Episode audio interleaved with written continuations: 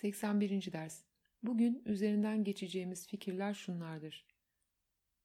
61. ders. Ben dünyanın ışığıyım.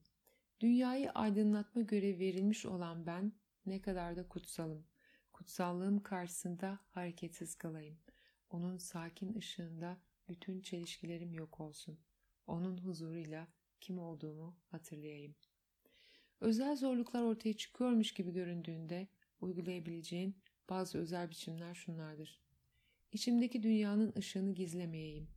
Dünyanın ışığı bu görüntü sayesinde parlasın. Bu gölge ışığın karşısında yok olacak.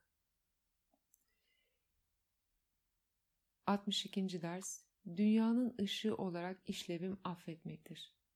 İşlevimi kabul ederek içimdeki ışığı göreceğim ve bu ışıkta işlevim gözlerimin önünde net bir şekilde ve kusursuz bir netlikte duracak.